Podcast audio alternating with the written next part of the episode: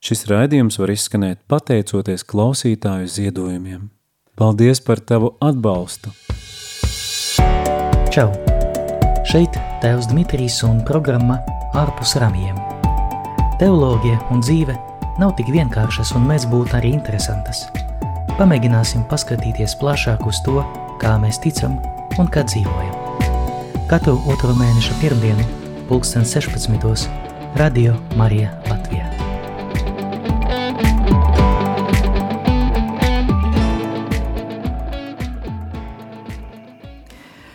Čau, darbie draugi!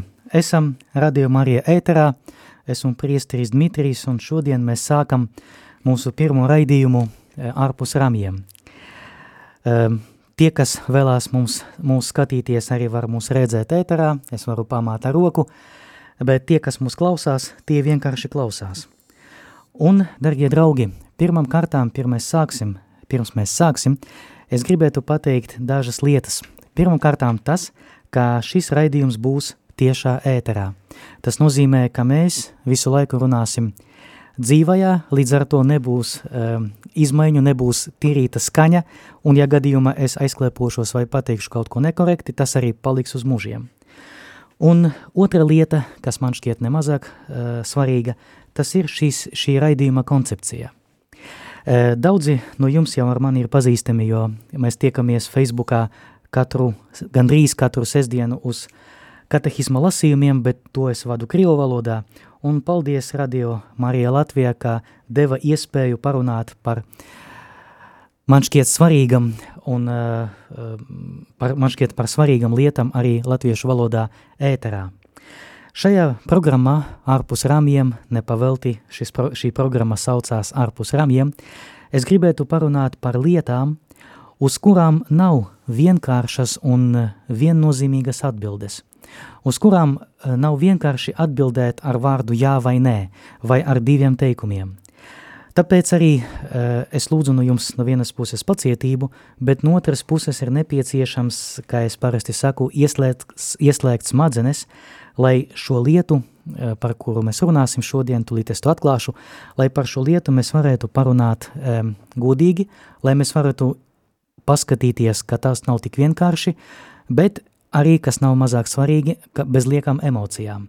Es zinu mūsu Latvijas baznīcas kontekstu, ka gribās uzreiz atbildēt nē, labi, ka mēs sārtus vairs nededzinam, bet tomēr es lūdzu jums pacietību, jo es mēģināšu kaut kādas lietas apskatīt no dažādiem redzes punktiem, lai parādītu, ka dzīve ir daudz sarežģītāka, un ticība ir arī daudz sarežģītāka nekā mums šķiet no pirmā acu skatiena.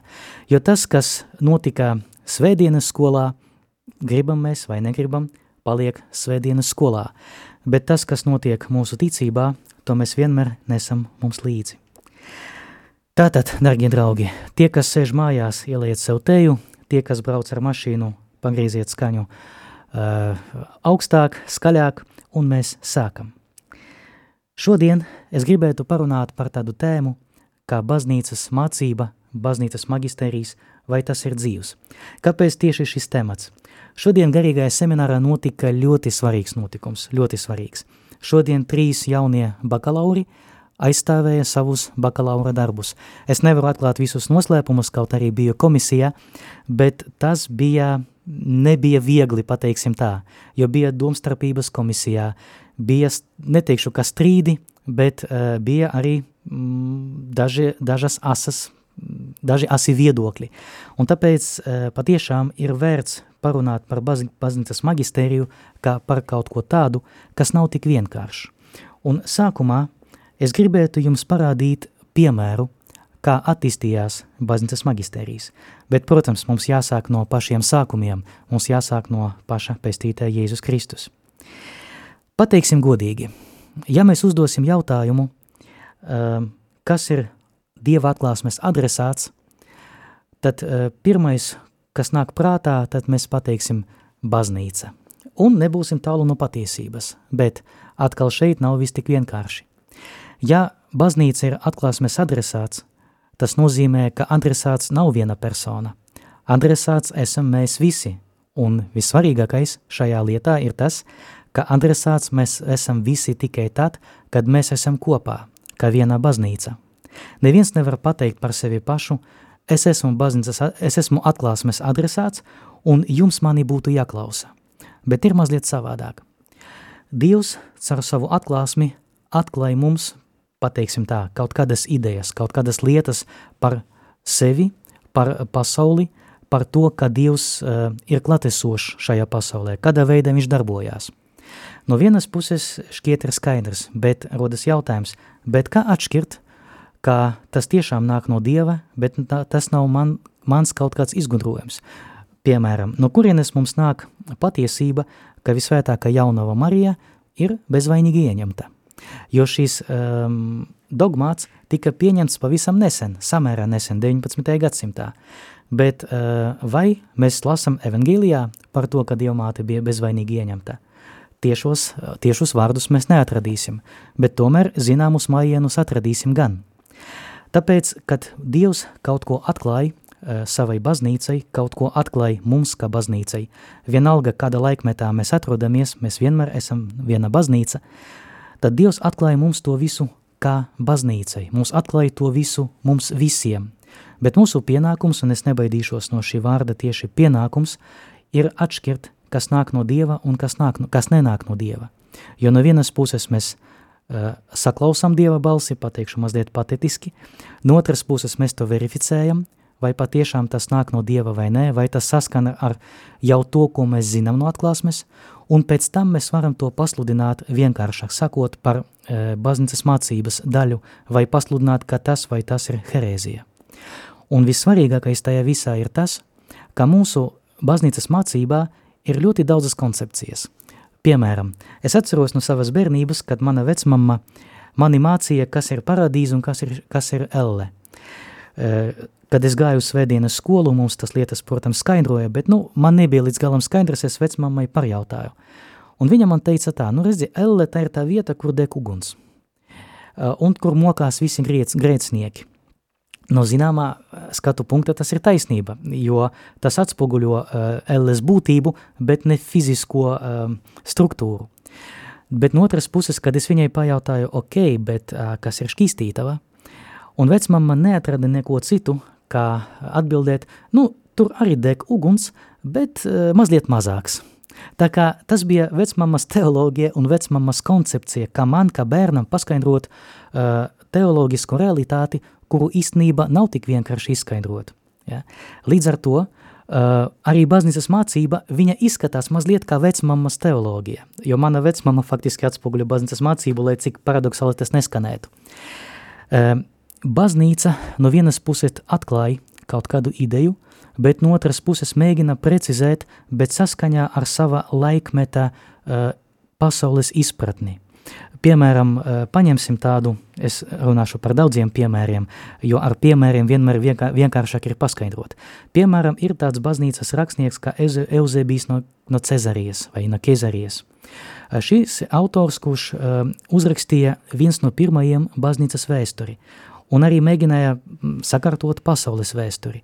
Bet viņa, uzska, pēc viņa uzskatiem, uz, to, uz to brīdi, kad viņš dzīvoja, tas ir pirmajā gadsimtenī, uh, pirmajā tūkstošgad, tūkstotsgadē, tagad es nepateikšu precīzi datumus, jo ne, man vajadzētu to pārbaudīt, lai, lai jums nemelot, viņš uzskatīja, ka pasaule nav jau vecāka par kādiem četriem, sešiem tūkstošu gadu.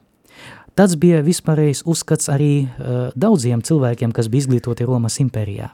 Līdz ar to viņš um, rakstīja šo savu baznīcas vēsturi un pasaules vēsturi saskaņā ar to, vi, ko viņš zināja par pasauli. Ja Eusebijs būtu dzīvojis šodien, noteikti viņš rakstītu savādāk. Viņš pateiktu par to, ka Zeme eksistē 4,5 miljārdu gadu vai 5 miljārdi gadu, ka mūsu visumam ir apmēram 13 miljārdu gadu vecums, ja mēs mēģināsim skaitīt saskaņā ar mūsu laiku, ka, cilvēks uh, pastāv pasaulē mm, netik ilgi salīdzinot ar visas zemes vecumu un tā tālāk. Noteikti viņš izmantotu pilnīgi citus uh, jēdzienus, pilnīgi citas koncepcijas. Mēs nezinām, kādas koncepcijas izmantos arī mūsu pēcnācēji. Līdzīgi ir ar teoloģiju. Mēs mēģinām dot atbildes uz jautājumiem saskaņā ar to pasaules redzējumu, kas mums ir šodien – Un ņemot vērā to faktu, kā pasaules redzējums attīstās, ka cilvēks atklāja ar vien kaut ko jaunāku un jaunāku šajā pasaulē, Līdz ar to mm, arī teoloģijai ir nepieciešams korigēt arī savus uzskatus. Mums gribētos, lai būtu viena atbilde uz visiem laikiem, bet viss nav tik vienkārši. Tāpat, ka šodien nav tik vienkārši ar šķistītavu, tāpat, ka šodien nav tik vienkārši ar pirmgrēka koncepciju, es izmantošu tieši šo jēdzienu, jo uh, mēs varam sastapt arī tādu jēdzienu, ka pirmdzimtais grēks, bet saskaņā ar uh, mūsdienu izpratni un latviešu valodu labāk būtu pareizāk, pareizāk būtu izmantot pirmgrēks, jā, jo pirmdzimtais grēks tas ir tāds uh, neveikls tiešā, tiešais tulkojums no krievu valodas jā, un no poļu valodas. Bet kātam oriģinālē tas ir kaut kas cits nekā tikai pirmdzimtais grēks. Tā kā mēs redzam, ka mūsu koncepcijas mainās, mēs redzam, ka mainās teoloģija, un es domāju, ka pēc īsa brīža, pēc neliela pārtraukuma, es mēģināšu jums ar vienu piemēru parādīt, kā mainās baznīcas mācība, neskatoties uz to, ka viņa mums šķiet stabila un atbild uz visiem jautājumiem vienu reizi uz visiem laikiem. Tiksimies pēc pārtraukuma. I know I heard you loud and clear, so I followed through. Somehow I ended up here. I don't wanna think, I may never understand broken heart is a part of your plan. When I try to pray, all I got is hurt and these four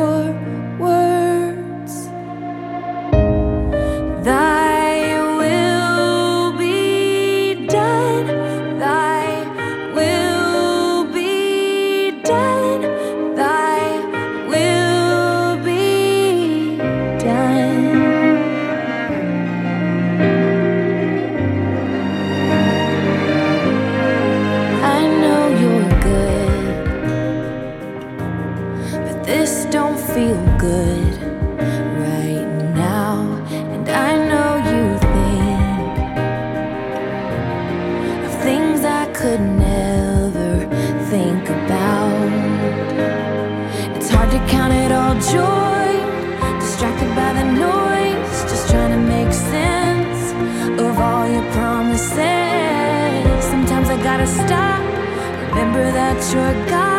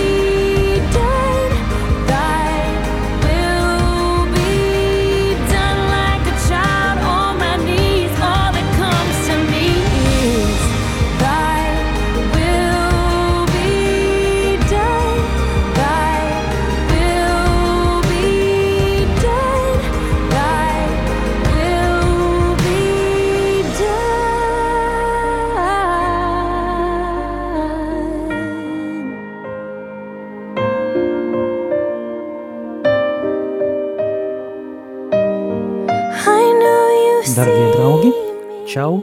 Nu, mēs jau esam klāt. Eh, Jūs mani dzirdat, bet nezinu, vai redzat, laikam ceru, ka jā. Uh, un tagad mm, es gribētu jums, eh, ne, neteikšu, ka pierādīt, jo es neesmu šeit, lai pierādītu, neesmu uh, tāds cilvēks, kurš zina visu, bet es gribētu jums, balstoties uz vienu piemēru, parādīt, kā attīstījies baznīcas mācība attiecībā uz vienu, uh, man šķiet ne, ne īpaši vieglu, bet ļoti svarīgu jautājumu. Proti runa iet par nekristīto bērnu pestīšanu. Jo rodas jautājums, uh, kā, kā ir ar tiem bērniem, kuri netika nokristīti, vai ir bērni, kuri ir nomir, nomiruši vēl mātes miesās. Jo no vienas puses uh, mēs labi zinām, ka mm, pestīšanai ir nepieciešama kristība, ka ārpus baznīcas nav pestīšanas, bet no otras puses šie bērni pirmām kārtām nevis savas vainas dēļ nebija spējīgi saņemt kristības sakramentu, un arī no otras puses viņi arī nav sagrēkojuši ar kaut kādu grēku. Līdz ar to, kā lai uh, atrisinātu šo dilemmu? Jāatzīst, ka šī dilemma, protams, jau bija atrisināta, jo uh, pāvests Benedikts 16 Eh, vai precīzāk pāvesta Benedikta 16. pontifikāta laikā tika izdots uh, dokuments, ko izdeva toreizējā ticības mācības kongregācija, tagad ticības mācības dikastērija, viņa saucās savādāk, kas saucās uh, pestīšanas cerība bērniem, kas mira bez kristībām. Tā būtu uh, jātulko šīs, šī dokumenta nosaukums. Es nezinu, vai kāds šo dokumentu bija tulkojis latviešu valodā, bet noteikti šis, šis dokuments ir atrodams angļu, itāļu, poļu, mm, nezinu, vai krievu valodā. Nebiju meklējis, jo man pašam datorā šis dokuments ir poļu valodā. Un tieši šis dokuments, uh, viņš ir ļoti svarīgs tādā ziņā, ka viņš labi parāda um, teoloģiskas koncepcijas mācības attīstīšanos. Un es jums mēģināšu to parādīt. Kristiešiem jau no paša sākumā e, radās šis jautājums, jo no vienas puses e, lielāka kristiešu daļa pieņēma kristību jau būdami pieauguši cilvēki. Ja mēs mācīsimies, e, ja mēs lasīsim baznīcas tēvu biogrāfijas, jūs ar varbūt izbrīni, at, izbrīni atklāsiet, ka daudzi no viņiem pieņēma kristības sakramentu būdami jau pieaugušie vīrieši, neskatoties uz to, ka viņi nāca no kristīgam ģimenēm. Kaut arī pastāvēja tāda prakse, lai kristīt bērnus, jo eh, mēs atceramies arī no uh, apustuļu darbiem, kad uh, lasām par to, ka tika nokristīts tāds un tāds un viss viņa nams. Tas nozīmē visi, kas dzīvoja šajā mājā. Nu, protams, iet runa par cilvēkiem, nevis par suņiem.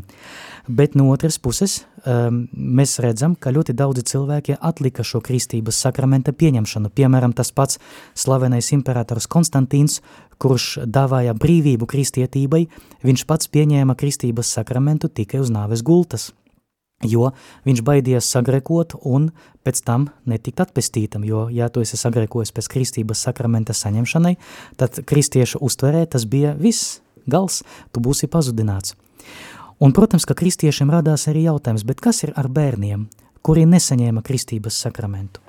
Un šo jautājumu uzdot jau svētais Grigorijs no Nazianzas 4. gadsimtā, um, uzdodot šo jautājumu, bet nedodot skaidru atbildi, jo viņš aplūkoja šo uh, problēmu no daudzām pusēm. Pirmām kārtām viņš teica tā, ka, protams, ka uh, tas, ka bērns nav sagrēkojis, uh, tas uzreiz nenozīmē, ka viņš būtu eh, pazudināšanas eh, cienīgs vai, vai būtu lemts pazudināšanai, bet arī tas, ka viņš nav sagrēkojis, negarantē uzreiz viņa pestīšanu. Tā kā svētais Gregors ir diezgan, diezgan, svētais Gregors ir diezgan, diezgan um, atturīgs meklējot atbildi uz šo jautājumu. Savukārt svētais Augustīns savā diskusijā ar Pelāgiju skaidri saka, ka mm, tie bērni būs pazudināti jo viņi nav pieņēmuši kristības sakramentu. Viņš ir uh, pilnīgi bez kompromisiem. Uh, kaut arī mēs šodien zinām, ka Augustinam nebija taisnība, tas, protams, netraucēja viņam kļūt par svēto, bet viņš bija ļoti, ļoti uh, strikts šajā savā jautājumā un pateica skaidri, viņi nebūs atpestīti, bet no otras puses viņi necietīs tik stipri, kā cietīs tie, kas ir sagrēkojuši un izvēlējušies grēku. Tā kā mēs redzam, ka Augustīns uh, faktiski atsaka pestīšanu tiem, kas uh, nesaņēma kristības sakramentu ne savas vainas dēļ. Ja mēs iesim mazliet tālāk, tā, uztaisīsim tad vienu lēcienu uz viduslaikiem. Svētais uh, Anselms no Kenterberijas, svētais Pēteris Abelārds, svētais Pēteris Lombards, viņi gan ir mazliet savādāki – savos uzskatos. Viņi jau nepiekrīt Augustīnam, ka šie bērni būs pazudināti. Viņi, e, varētu teikt, mēģina mm, izveidot tādu vienu koncepciju, ka varbūt ir kaut kāds vidusstāvoklis. Varbūt nav tā, ka viņi ir pilnīgi ellē vai pazudināti, bet no otras puses taisnīgums prasa, lai viņi uh, netiktu vēl pagaidām vismaz atpestīti. Un līdz ar to rodas tāda, mm, es, protams, tagad ļoti vienkāršu, es negribu parāk jūs mocīt ar tam, ar tam teologiskām lietām, bet uh, viņi izdomā tādu koncepciju, kurā uh, vēlāk partop par iedzien, vēlāk teoloģija top tāds jēdziens kā limbus puerorum, jeb tāda vieta, kur atrodas bērni. Un uh, šī koncepcija ir ļoti interesanta, jo no vienas puses uh, Eh, kā es jau teicu, bērni šajā um, limbusā, šajā vietā, viņi pilnīgi viņi ne, necieš, jo viņam nav par ko ciest, viņi nevar būt lemti pazudināšanai. Bet no otras puses, viņam tomēr nav iespējams ieiet debesu valstībā, jo viņi nebija spējīgi pieņemt lēmumu ieiet debesu valstībā, viņi nebija spējīgi ar savu gribas aktu piekrist tam, ka viņi vēlās būt pestīti. Šeit es gribu atgādināt vienu uh, Eh, gadījumu arī no manas bērnības, kad es staigāju svētdienas skolā, kaut arī šeit būšu pretrunā pats ar sevi, jo kas ir svētdienas skolā, paliek svētdienas skolā, bet nu, lai notiek. Eh, Prāvests Mončinskis mūžīgo viņa mieru kādreiz teica, ka LE var trāpīt tikai tie, kas vēlās, bet tie, kas nevēlas, noteikti nē. Un ja mēs mēģināsim šo prāvesta Mančinska koncepciju pārlikt uz mūsu teoloģiju, un viņam īstenībā tā ir ļoti dziļa un pareiza krist, eh, LS koncepcijas intuīcija, viņš skaidri parāda, uh, tas, tas teiciens skaidri parāda, ka ja kāds nevēlās būt pazudināts, tad viņš nebūs pazudināts. Un galu galā kristieši vairākus gadu simtus īstenībā atstāja šo vietu un šo problēmu neatrisinātu. Kaut arī baznīcas magistērijā, uh, baznīcas uh, teologu darbos laiku pa laikam parādījies šī dilemma, kas ir ar šiem bērniem, un šī atbilde, nu, bērni atrodas tādā uh, vidējā stāvoklī, tajā limbus puerorum. Viņi paliek tur, nu, Dievs gan jau zinās, ko ar viņiem darīt, bet pagaidām mēs nezinām. Nu, un lūk, nāk 2000 gadi, nāk pāvesta Benedikta pontifikāts. Un es atceros, ka kādreiz, kad šis dokuments tika pasludināts, es ar izbrīnu biju lasījis viena no portāliem, ka pāvests Benedikts beidzot ir atļāvis bērniem iet paradīzē. Tas bija gan ļoti labs tāds klikbeita mm, tituls eh, kādam rakstam, bet pateicoties šim rakstam, jo, protams, es mēģinu sekot līdzi arī baznīcas dokumentiem, bet, protams, nav iespējams sekot līdzi visam. Nav iespējams izlasīt visus dokumentus, visus pāvesta uzrunas vai visus dikas, dikastēriju dokumentus. Bet, uh, pateicoties šim rakstam, Es biju uzgājis tieši šo dokumentu, balstoties uz kura, kuru es minēju, mēs runājam šodien jums ar par to limbus puerorum. Un pāvests Benedikts vai pāvesta Benedikta vārdā ticības mācības kongregācija faktiski saka tā, paskatīsimies uz Dievu. No vienas puses, Dievs vēlās atpestīt visus cilvēkus. Vai viņš vēlās to? Es domāju, ka neviens no mums nenolieks, ka Dievs patiešām to vēlās, jo viņa pestīšanas griba – viņa pestīšana un viņa griba atpestīt cilvēkus ir dāvāta visiem. No otras puses, Dievs ir žēlsirdīgs, tas ir skan banāli, bet par to būtu jāatcerās, bet no trešas puses, Dievs arī ir taisnīgs. Ko tas nozīmē?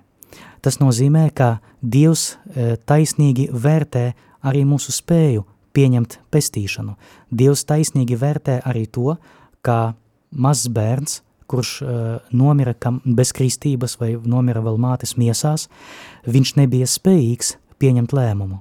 Bet Dievs taču ir taisnīgs, un viņš saprot, Dievs saprot, protams, tas var būt pārāk um, droši pateikts, jo es nezinu, ko Dievs saprot, es parasti arī cenšos izvairīties no teiciena Dievs grib, jo es nezinu, ko viņš grib, bet uh, manā skatījumā, arī teologu un pāvesta Benedikta skatījumā, uh, ja Dievs ir taisnīgs, tad viņš arī taisnīgi notiesā, taisnīgi iztiesā šo lietu, ka šis bērns, nevarēdams pieņemt lēmumu, arī negribēja būt pazudināts. Līdz ar to šī koncepcija par limbus puerorum, faktiski, ja es nemaldos 2007. gadā, e, šī koncepcija tika e, atlikta uz plauktiņa, varētu pateikt aizsūtīta glabāšanai uz arhīvu, jo no šī brīža baznīcas mācība neviens jau nesaka, ka bērni, kas nebija, spie, nebija spējīgi pieņemt kristības sakramentu vai nomira bez kristības sakramenta vai nomira mm, vēl mātes miesās, ka viņi būs kaut kādā veidā pazudināti. Mēs taču no, arī no bioloģijas zinām, ka, ja notiek bērniņa ieņemšana, tad, protams, ka ne visi bērni piedzimst, kaut arī mūsdienu medicīna ir krietni labāka nekā pat 100, 200 gadus atpakaļ, bet tomēr ne visi izdzīvo. Bet kā ir ar šiem bērniem? Protams, atbildi ir ļoti vienkārša. Dievs dot viņam pestīšanu. Nav nepieciešamības pēc, tā, pēc tāda vidēja stāvokļa starp pestīšanu un pazudināšanu. Ja Dievs ir žēlsirdīgs un vienlaicīgi taisnīgs, tad taisnīgi būtu šiem bērniem dot uh, iespēju būt pestītiem. Tā kā, redziet, šajā gadījumā, šajā konkrētajā piemērā mēs redzam, ka um, attīstījās baznīcas mācība – ka no vienas puses baznīcas tēvi saka, nē, viņi nevar būt pestīti. Viduslaikos eh, jau viss nav vien, nekas jau nav tik viennozīmīgi, ka rodas tāds limbus puerorum koncepcija, bet vēl pēdējos gadu desmitos mēs redzam, ka baznīca maina savu nostāju, ka baznīca tomēr um, reflektējot par šo tēmu, beidzot atrot atbildi uz šo jautājumu, bet šeit jāpasaka vēl viena svarīga lieta. Tas nenozīmē, ka viss ir atrisināts. Mēs nezinām, eh, kādas būs mūsu zināšanas par pasauli nākotnē. Piemēram, pateicoties tam, ka šodien kvantu fizikā mēs atklājam arvien jaunākas lietas. Mēs nezinām, kāds būs pasaules redzējums pēc 20, pēc 50 gadiem. Līdz ar to mēs nezinām, kāda būs arī teoloģija eh, pēc tā laika. Pēc tam, kad mēs nomirsim un kad nāks un šeit radio studijā sēdēs mūsu pēcnācēji, bet varbūt tas būs tikai un vienīgi mm, eh, neirotīkli, kas to visu darīs, mēs nezinām. Bet patiešām uh, tas piemērs, par kuru mēs tikko ar jums bijām runājuši, skaidri norāda mums uz to, ka baznīcas mācība attīstās. Un tagad es varbūt palūkšu, mēs izdarīsim vēl vienu uh, īsu uh, pārtraukumu, es uh, mazliet atpūtīšos, jūs arī no manis, un tad mēs pamēģināsim uzdot provokatīvus jautājumus, uz kuriem mēs neuzdo, nevarēsim atrast atbildes, bet ar mērķi, lai parādītu, ka arī mūsdienu teoloģija priekšā vēl stāv daudz, daudz, daudz izaicinājumu. Tiksimies pēc brīža.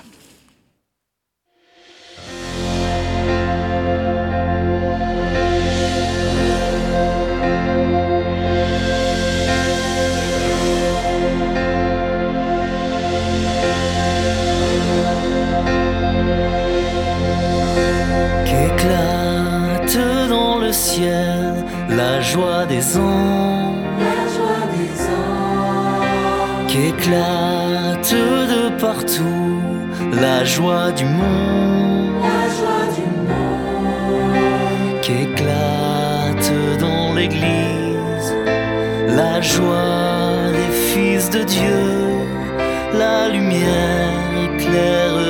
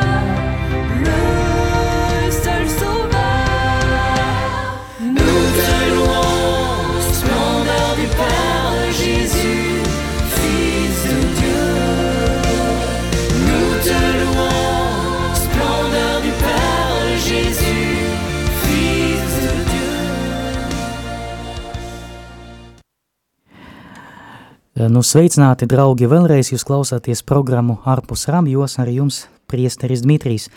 Un, kā es jau teicu jau pirms mūzikas pauzes, lai parādītu um, jums, lai parādītu arī pašam sev, protams, to lietu, kā baznīcas magisterijas attīstās, minējot šo piemēru par nekristīto bērnu um, pestīšanu, es gribētu tagad mazliet parādīt teoloģijas perspektīvas. Pamēģināsim mazliet pafantazēt, jo ja teoloģija ir dzīva, Ja teoloģija attīstās, tad noteikti pēc 20, pēc 50 gadiem, ja pastāvēs cilvēce, ceru, ka pastāvēs, ja nu tikai pestītais neatnāks un e, nenotiks parūzija, tad noteikti mm, mums būs jau citi izaicinājumi, un šo izaicinājumu tāda pirmgarša ir jūtama jau šodien.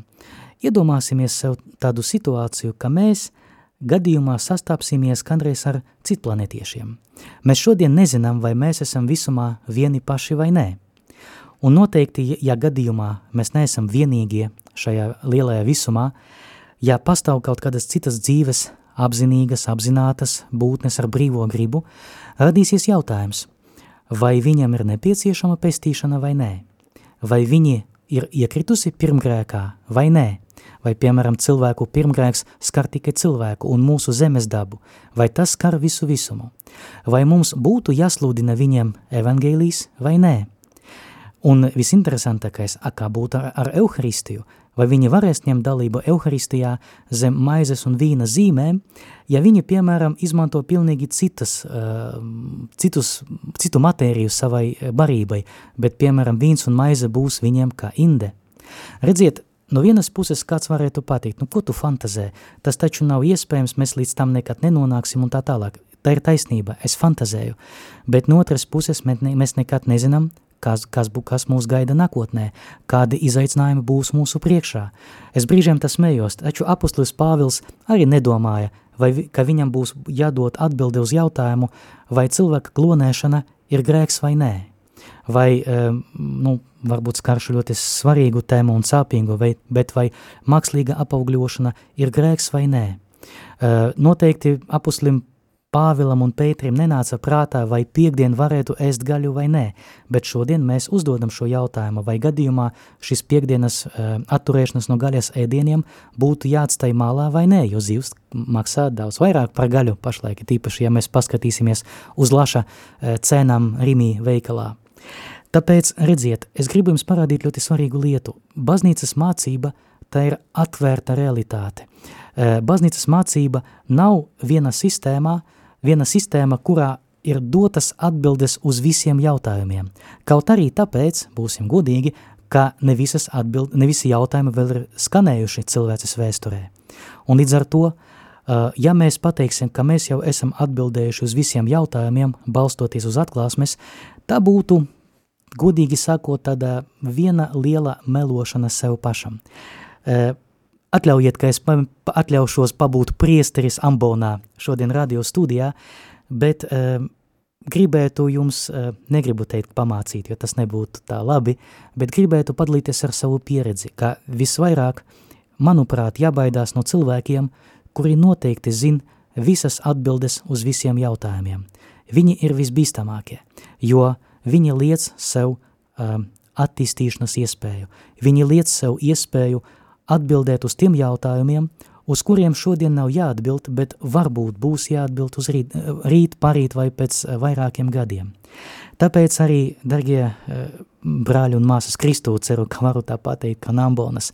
Es ļoti ceru, ka pateicoties mūsu šodienas sarunai, mēs patiešām varam atklāt, neteikšu, ka es noteikti esmu pierādījis jums, bet vismaz varam atklāt vai uzdot sev jautājumu, vai baznīcas mācība šodien atbild uz visiem jautājumiem?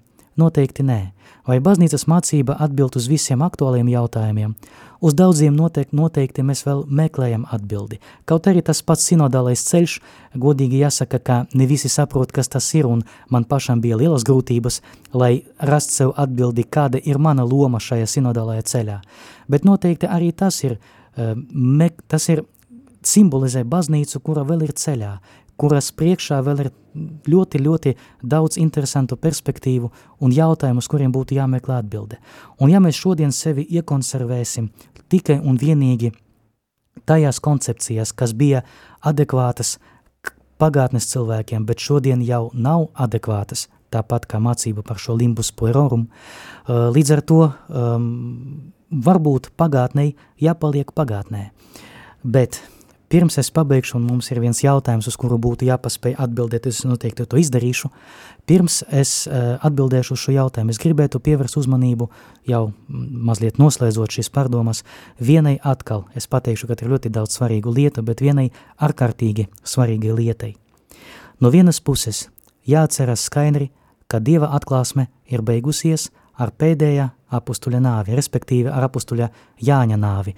Ja mēs piesim tādi strikti teologiski, ar pēdējā um, svēto uh, jaunās derības redaktora nāvi, jo tad beidzās arī tā saucamā skripturi, skripturistiskā atklāsme, jeb uh, rakstu atklāsme, kurā Dievs pateica visu, ko vēlējās mums pateikt.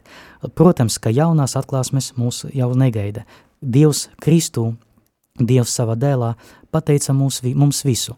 Nepavelti mēs Jēzu saucam logos, vārds, jo jēdziens logos nav uh, tulkojums no grieķu valodas tikai kā vārds, bet arī kā jēga. Un mēs varētu pateikt tā, ka Jēzu Kristu Dievs ir pateicis visu, viņš ir jēga visam, un tas ir vissvarīgākais. Bet no otras puses, mēs esam aicināti šo jēgu ar vienu no jauna atklāt. Kad mēs runājam, ka baznīcas mācība ir dzīva, Tas ne jau tāpēc, ka tas ir tikai skaista frāze, bet tāpēc, ka mēs šajā mācībā varam rast arvien jaunākas atbildes uz tiem jautājumiem, uz kuriem nebija aktuāli atbildēt mūsu senčiem. Bet no otras puses, šodien mums vairs nav jāatbild uz tiem jautājumiem, uz kuriem atbildēja mūsu senči. E, tā jau sanāca nejauši, ka es pasniedzu patrologiju garīgajā seminārā, jeb mācību par kristiegu literatūru līdz, no 1. līdz 8. gadsimtam. Un īstenībā, eh, kad mēs ar seminaristiem eh, nodarbojamies ar šiem tekstiem, laiku pa laikam uzpelt jautājums, bet kāds sakars mums šodien, 21. gadsimtā, ar tiem teoloģiskiem strīdiem, kas notika 4., 5., 6. gadsimtā. Šodien daudzi no šiem jautājumiem vairs nav aktuāli. Neviens jau nesaka, un ne, piemēram, nesaka, ka Jēzus nav uh, patiesais Dieva dēls. Neviens jau nesaka šodien, ka Jēzus tikai šķietami nomira no krusta, tad tā bija, tā bija apustuļu fantāzija vai uh, halucinācija. Mums uz šiem jautājumiem ir dota atbildē, mums šodien ir citi jautājumi. Un tāpēc paturam visu to labāko no pagātnes, paturam to baznīcas mācību, kas ir definēta, bet no otras puses atcerēsimies, ka arī šīs definīcijas brīžiem uh, tiek interpretētas no jauna, ņemot vērā šodienas uh, pasaules aktualitāti, ņemot vērā šodien tos jautājumus, uz kuriem nebija nepieciešams atbildēt 200, 500 vai 1000 gadu atpakaļ. Ar to es gribētu noslēgt, bet tā kā mums ir uh, mm, iespēja uzrakstīt, es, es atceros šo jautājumu, eh, piedodiet, ka man vajag dot komentārus, bet nu, nesanāk to izdarīt ārpus ētera, bet uh, tomēr uh, es gribētu atbildēt uz vienu jautājumu, kas mums tika iesūtīts, un man šķiet, ka tas ir ļoti svarīgs, jo šī tēma ir ļoti sāpīga, un starp citu arī viņa nav tik viennozīmīga, it īpaši, ja mēs paņemsim pāvesta adhortāciju Amoris Leticija slaveno, kur arī tika, ja es nemaldos, uh, um, iztulkota latviešu valodā. Proti jautājums ir tāds, ja divi jauni vecāki, divi jauni cilvēki ir veidojuši ģimeni uh, legāla veidā, tas nozīmē, ka ir sarakstījušies dzimsrakstu nodaļā, viņam ir bērns, uh, tomēr viņi nebija laulājušies, vai viņi var, var iet pie grēksūdzes un pie komunijas? No vienas puses, ja mēs pieiesim ar tādu svēta Augustina radikalismu, mm, katrs no mums, un arī es pateiktu, noteikti nē. Bet aiz šī nē, ja mēs tiešām uztveram Dievu kā taisnīgo un žēlsirdīgo, jāseko arī skaidrojumam, kāpēc. Jo no vienas puses, eh, ja cilvēki veido ģimeni, viņi veido kaut ko skaisto. Ja, piemēram, ģimeni veido divi nekristīgi cilvēki, nekristīti cilvēki, tad tādā gadījumā šī ģimene, kas balstās uz naturālā likuma, šī ģimene tiek uztverta kā tāda paša līmenī kā laulāto mīlestība, kā laulāta ģimene. Līdz ar to divi nekristīti cilvēki Dieva priekšā, kas ir salaulājušies vai sarakstījušies vai kaut kādā citā legālā veidā ir veidojuši ģimeni, viņi tiek uztverti kā patiesa ģimene. Un ja, piemēram, viņi pieņems kristību, tad viņam nav jālaulājas, jo šī laulība ir derīga. No otras puses, ja cilvēki tika nokristīti, tad viņi ir aicināti, lai iekļaut Dievu uh, visā savā dzīvē, visās dzīves jomās. Ja redziet, ar kristietību ir viena tāda problēma, tas ir mūsu prieks un arī zināmā mērā mūsu grūtība. Ja es pieņemu kristietību, es to pieņēmu visu. Es nevaru to pieņemt pa daļām.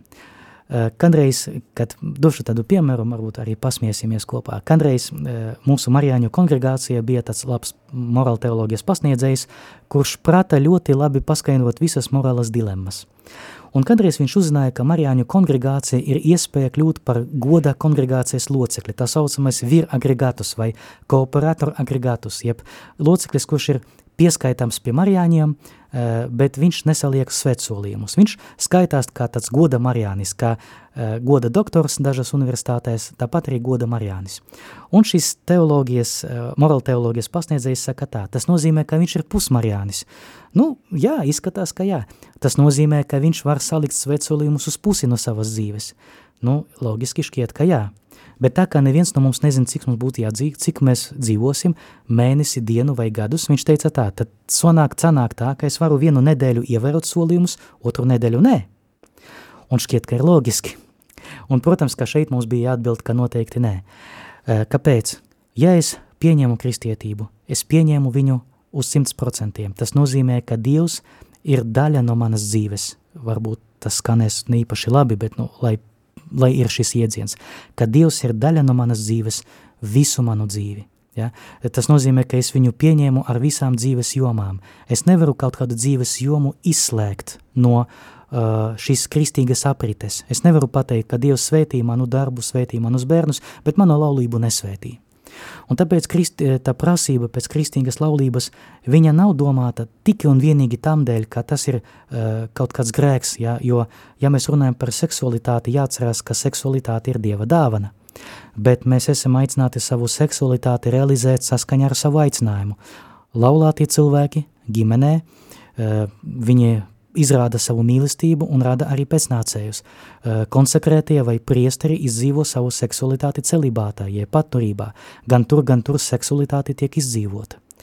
Bet ja kāds um, dibina ģimeni, bet tomēr uh, kaut kādu apstākļu dēļ neaicina Dievu, saprotu, ka tas ir liels izaicinājums, jo laulība uz visu dzīvi, tas nav uz pārbaudes laiku. Bet ja kāds neaicina Dievu, dievu šajā sfērā, sanāk, ka no vienas puses viņš nerealizē savu uh, seksualitāti laulībā, jo laulība vēl nepastāv, bet no otras puses, tā ka viņš vēl nav laulāts, viņš kaut kādā dīvaina veidā tomēr šo seksualitāti realizē ārpus laulības konteksta, faktiski neaicinot Dievu šajā sava dzīves jomā.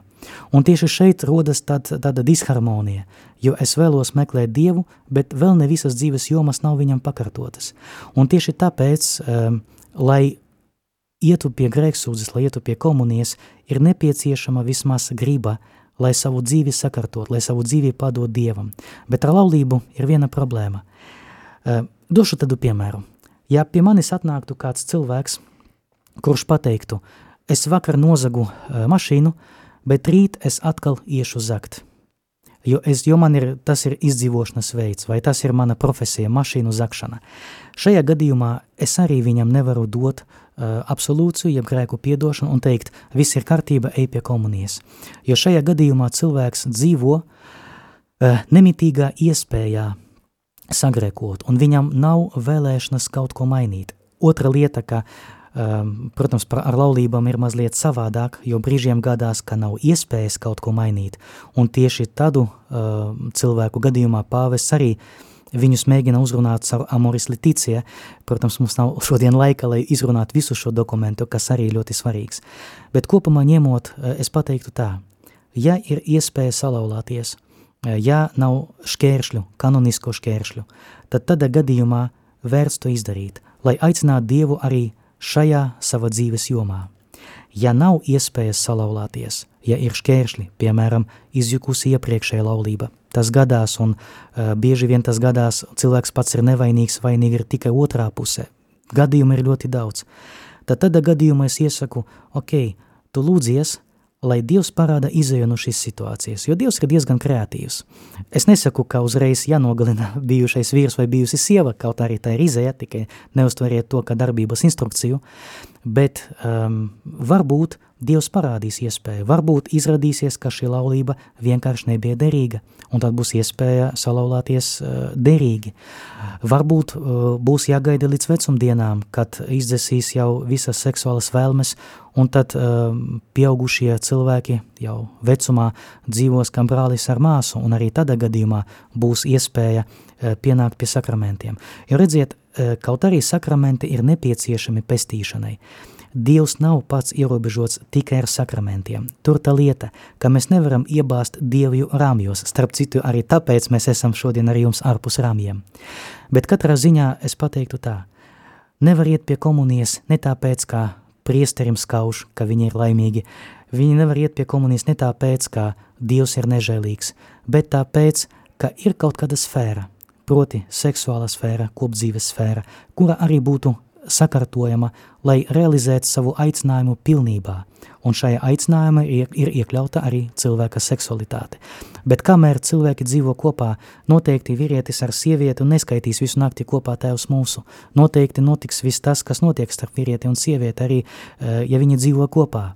Un tādā gadījumā rodas jautājums tieši par šo seksualitātes realizāciju, pateikšu man atkal mazliet patetiski saskaņā ar Dieva plānu. Es ceru, ka neesmu nevienu aizskārījis un ceru, ka uh, kaut arī neizsmeļoši, bet esmu devis atbildi uz šo jautājumu. Uh, laikam nav citu jautājumu, paldies Dievam, jo es esmu jau noguris. bet katrā ziņā, dargie draugi, noslēdzot, es gribu aicināt jūs pirmām kārtām ieslēgt smadzenes, palasīt kaut ko vairāk. Kaut arī baznīcas dokumenti ir diezgan ciets materiāls un ļoti grūti viņu lasīt nesagatavotiem, bet paņemt to pašu katoliskas baznīcas katehismu un pameditēt a, a, par tiem punktiem, kas man, manā dzīves kontekstā, kontekstā šodien šķiet ir svarīgi. Arī tas var me, palīdzēt mums rast kaut kādas atbildes. Bet mēs ar jums satīksimies jau pēc mēneša 2. oktobrā pirmdienā pulksten 16. Eh, un šo programmu varēs klausīties tieši ēterā, un ja jums būs jautājumi, uz kuriem es būšu spējīgs atbildēt, es atbildēšu, bet no otras puses arī šo uh, programmu ierakstā arī varēs klausīties vēlāk Radio Marijā podkastos. Paldies ar Dievu, un man bija liels prieks un gods būt kopā ar jums. Čau! Čau! Šeit Tēvs Dmitrijs un programma ārpus ramiem. Teoloģija un dzīve nav tik vienkāršas un mēs būtu arī interesantas. Pamēģināsim paskatīties plašāk uz to, kā mēs ticam un kā dzīvojam. Katru otro mēneša pirmdienu, pulksten 16. Radio Marija Latvijā.